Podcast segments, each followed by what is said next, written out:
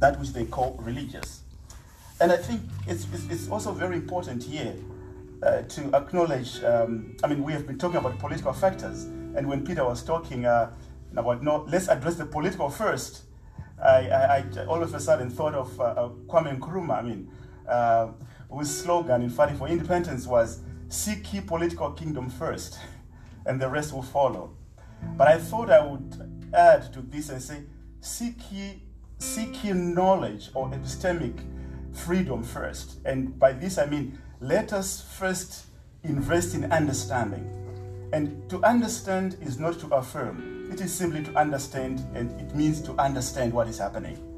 But most, for the most part, we, we start from a point that itself needs to be interrogated.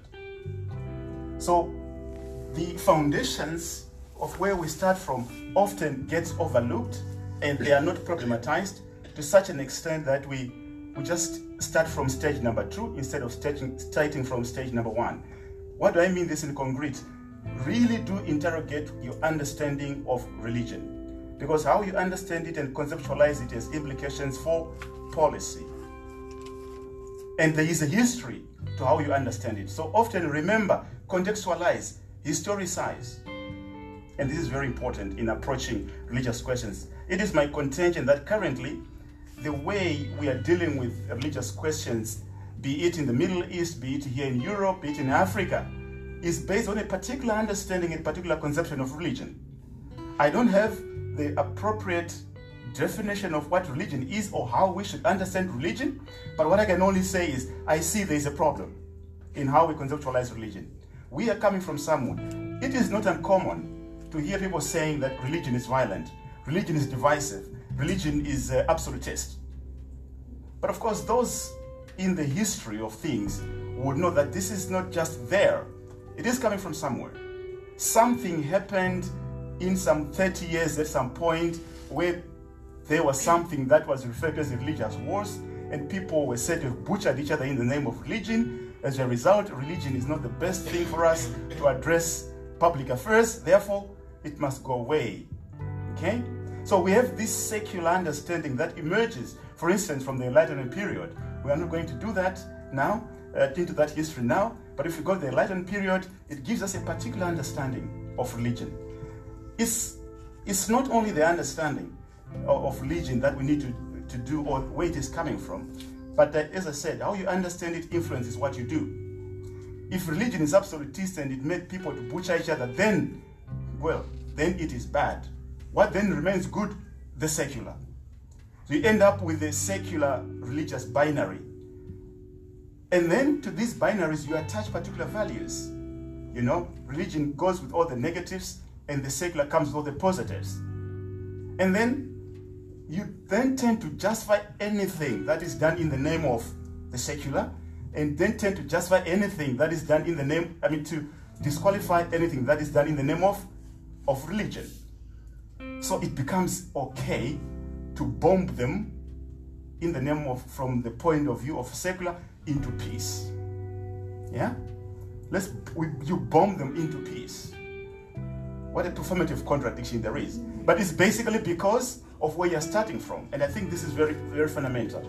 In the interest of time, I would just say, for me, conflict transformation starts from the underlying conception of the ideas that we work with because we tend for the most part to take for granted the categories that we work with. I think we can get into, uh, into more detail about this in the Q&A. Um, interreligious dialogue, it is indeed a welcome move, and I think uh, I, I do agree uh, that we have to invest in it. But I think there's a sense in which also that uh, interreligious dialogue um, comes in as, a, I mean, to start with, people say actually deal with the religious question first and then let's go to serious business yeah?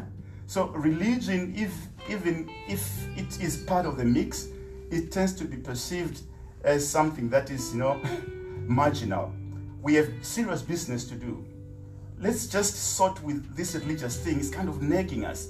So we push let's deal with it and then go to real business but i think this is where we also miss the thing if you go to the track one, track two, and track three diplomacy, religion tends to be put in track two. Civil society, you know, it's soft power thing, you know, it's the goodness of things and so forth, you know. But real business gets done in track one. Top military leaders, yeah?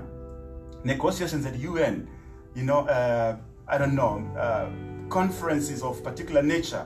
Let's go and talk about Syria in, uh, in Geneva or something like this. But I think conflict transformation will require that we invest in religious peace building. And religious peace building doesn't mean that you are subscribing to a particular beliefs of a particular religion. No, it simply means you are saying they, there are potentialities within the religious realm, but you are not taking them for granted. You bring the religious dynamics on board, also problematizing them. So I think this is this has to be understood because I've heard people say we don't want religious peace building because they assume you have to be religious for you to engage in religious peace building, which is a misreading of religious literacy. Religious literacy has two dimensions. First one, okay, you can understand the details, substantive details of particular religious traditions, number one. But number two is how do you actually look at it? How do you actually look at religion? How do you read, how do you read religion? How do you come through it? I think this is another type of religious literacy we need to take into consideration. On religious, uh, interreligious dialogue, I just want to speak to the assumed separation between religion and the secular. Because we tend to think that this separation between the religious and the secular is, is a given. Yeah? Uh, and it is not. I think it's time we know that it is not. There are contexts where the religious and the secular are just um, intertwined. In some parts of Africa, for example, um, a chief is both a political leader and a religious leader. And religion permeates all sectors of society economics, law, uh, what have you. So the, the assumption that we can separate these also does have practical implications when we actually dive in to do whatever we do from a practical point of view, but as well as we how we encounter people.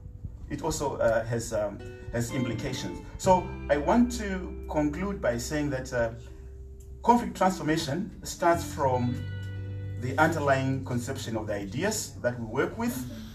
Uh, we need to clarify for ourselves what we mean by religion, what we mean by religious violence, what we mean by politics, what we mean by justice, and what we mean by security. We all subscribe to security, don't we? We all subscribe to justice, don't we? But we really have to historicize those categories. Let's not also assume that how we understand them is everybody's understanding. Engage with people where they are and try to find solutions in, uh, in the same way. So, if I wanted to be more radical, I would say religion exists only in what people do or say, and people never do or say anything outside the political and the historical context from which they do or say something. Um, let me end this provocatively, and uh, maybe we can get a conversation at an appropriate time. Thank you so much.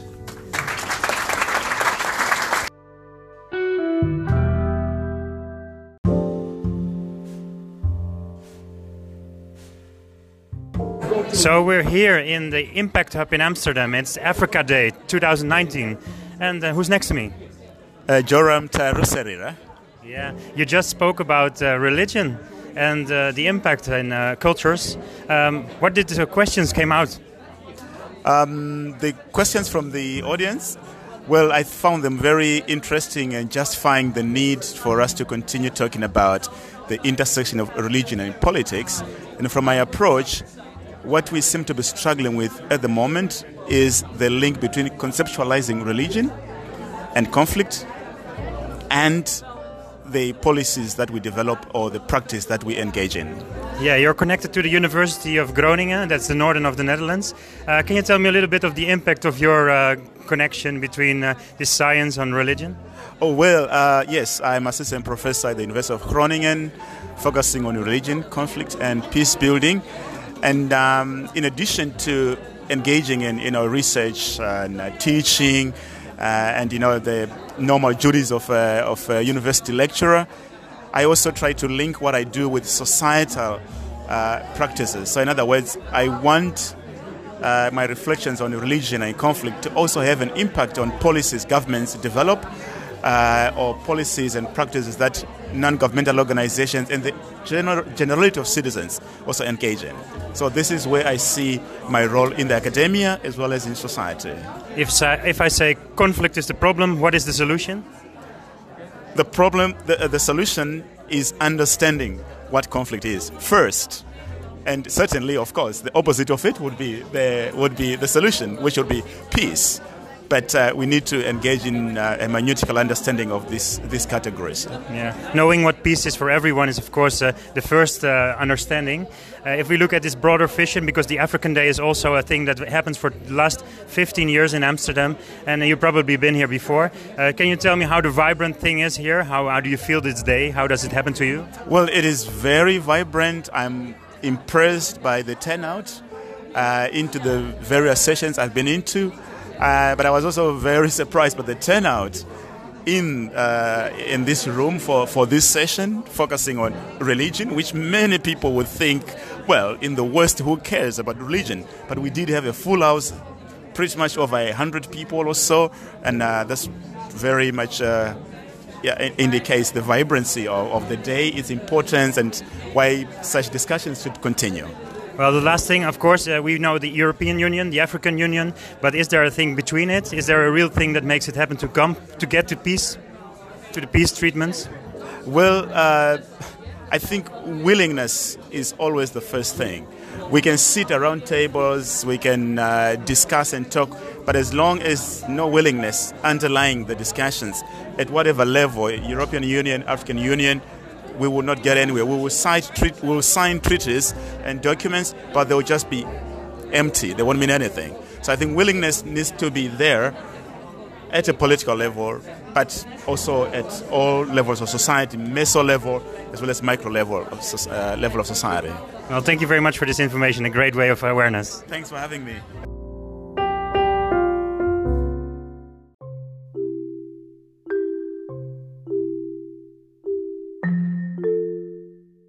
So we're in Amsterdam in uh, the KIT. Yeah. It's uh, the Africa Day 2019, Indeed. and something has happened. Something yeah. special has happened. Who's next to me? I'm Hilman Bato. I'm one of the candidates for the Albert Schweitzer Prize, and I just won the public prize. The public prize that must mean a lot to you. Yeah, definitely. It's uh, it's an amount of 1,000 euros, but it's not all about the money. It was just about the recognition which they gave. It's like my project had been verified, so I feel like at this point I have an extra boost, extra motivation to actually go on with what I actually initially started. That's my project. Yeah, because why is this project chosen? Do you know um, to tell this in a short just explanation. Yeah, actually, it was the public prize, so it's just the amount of people that believed in the project and the amount of people that were willing to vote for the project. Because yeah, he posted online, people can relate with it or not relate with it, and then vote for it or not vote for it. So I'm really grateful that a lot of people saw the project and appreciated the project for what it was, and are willing to vote for the project. Because I also think they want to see the project actually realized and uh, brought to fruition, and that's what I'm going to do hopefully. You already thought that it's not uh, normal to. Uh, put the mouth on someone else Indeed. and just uh, breathe in, breathe out to make someone really live again. Yeah. Uh, it's very important. We know now that it's education that makes it change. Mm-hmm. But what is this change you want to create? Yeah, so basically, like you just said, knowledge is power, right? So the change I'm willing to, cre- I'm hoping to create is to firstly give people the skill set and the knowledge to be able to like intervene when it's time, to be able to reanimate people when they have these biological malfunctions, and hopefully make people more enthusiastic and look past this whole idea of just kissing people. Because I mean, to be honest, when someone is laying down it's not all about the, the person doesn't care about if you kiss them or not because they're unconscious. So I want to give people this mentality to be able to like change the mentality to see the good in CPR rather than see the bad in CPR. Yeah, this is life changing. It's also rescuing somebody exactly. who's really on the end of his. And then, what what can you do? So you, you've learned about this and you practice it again and again. How many times did you try to do the CPR? Oh, myself. I've had to do it a lot of times in school, like for trainings. But on a real person, I've done it one time, and that was nerve wracking because yeah, the person is there, and you have to like save them more or less because they're unconscious.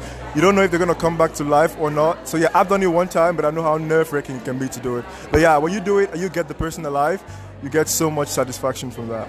Of course, we hope it's never needed, but when exactly. when you meet someone today and it's it's going to happen, then what would you do? What's this three steps thing you have to tell to someone else?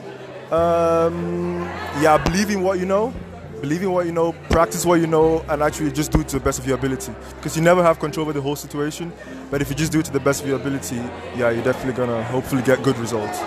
Well, let's come back to the CPR, of course. If you explain it in three steps, uh, you see the person laying down on the floor, uh, he's not breathing anymore, or she's not breathing anymore, and then suddenly you have to decide. Of course, you call 911 or 112 in the European, but what would you do? These, these few three steps. Yeah, so basically, the first step is you check if it's safe, the environment is safe, so you don't want to put your own self in danger. And the first thing is you look if the person is breathing. If they're breathing, then you don't have to give them breath. So you just start the compressions. You give 15 compressions on the chest. If it's a child, then the compressions have to be less powerful than an adult. And if it's an adult, then you have to give the powerful compressions with both hands. After 15 compressions, you give two mouth to mouth, like breath, like um, resuscitations, basically. And after that, you go back to the compressions. So it's all about um, interchanging compressions and breaths, compressions and breath. And if there's an A um, defibrillator in the neighborhood, you can also get one. But most of the time, you don't have that. So you have to just depend on your natural abilities and your natural resources, which are your hands and your breath. Yeah, hopefully you're not alone in this situation, of course. But you're also not alone. There's a team behind you, I think. There's a group with people who really think with you to go forward. And what's the next thing? The next step for you to just now you have just a thousand euros to have a party or no, definitely not have a party. We're not gonna have a party with the money. No. You'll have to celebrate this, of course. Yeah, we're definitely gonna celebrate it in our own way. But yeah, um, so the way forward is to yeah, I've gotten the prize, I've gotten the recognition. I'm gonna have to apply for more donors, like don- donations from people, because yeah, this is a good amount, but it's not enough to carry the whole project. So I got friends back in Cameroon as well. I got uncles who have hospitals and clinics. I'm gonna uh, contact them and ask them for like donations or help and we try to set up a team where we can actually like do everything together. And we start going from school to school secondary school to secondary school implementing this. And hopefully before we know it yeah we have conquered half of the country already. It's a busy time. 2020 will be the year. The next year is going to happen. You have a lot of new things to create. Exactly. maybe a new app also. We never know. We'll see what the future holds indeed. Well, thank you very much and congratulations again. Thank you very much. Have a nice day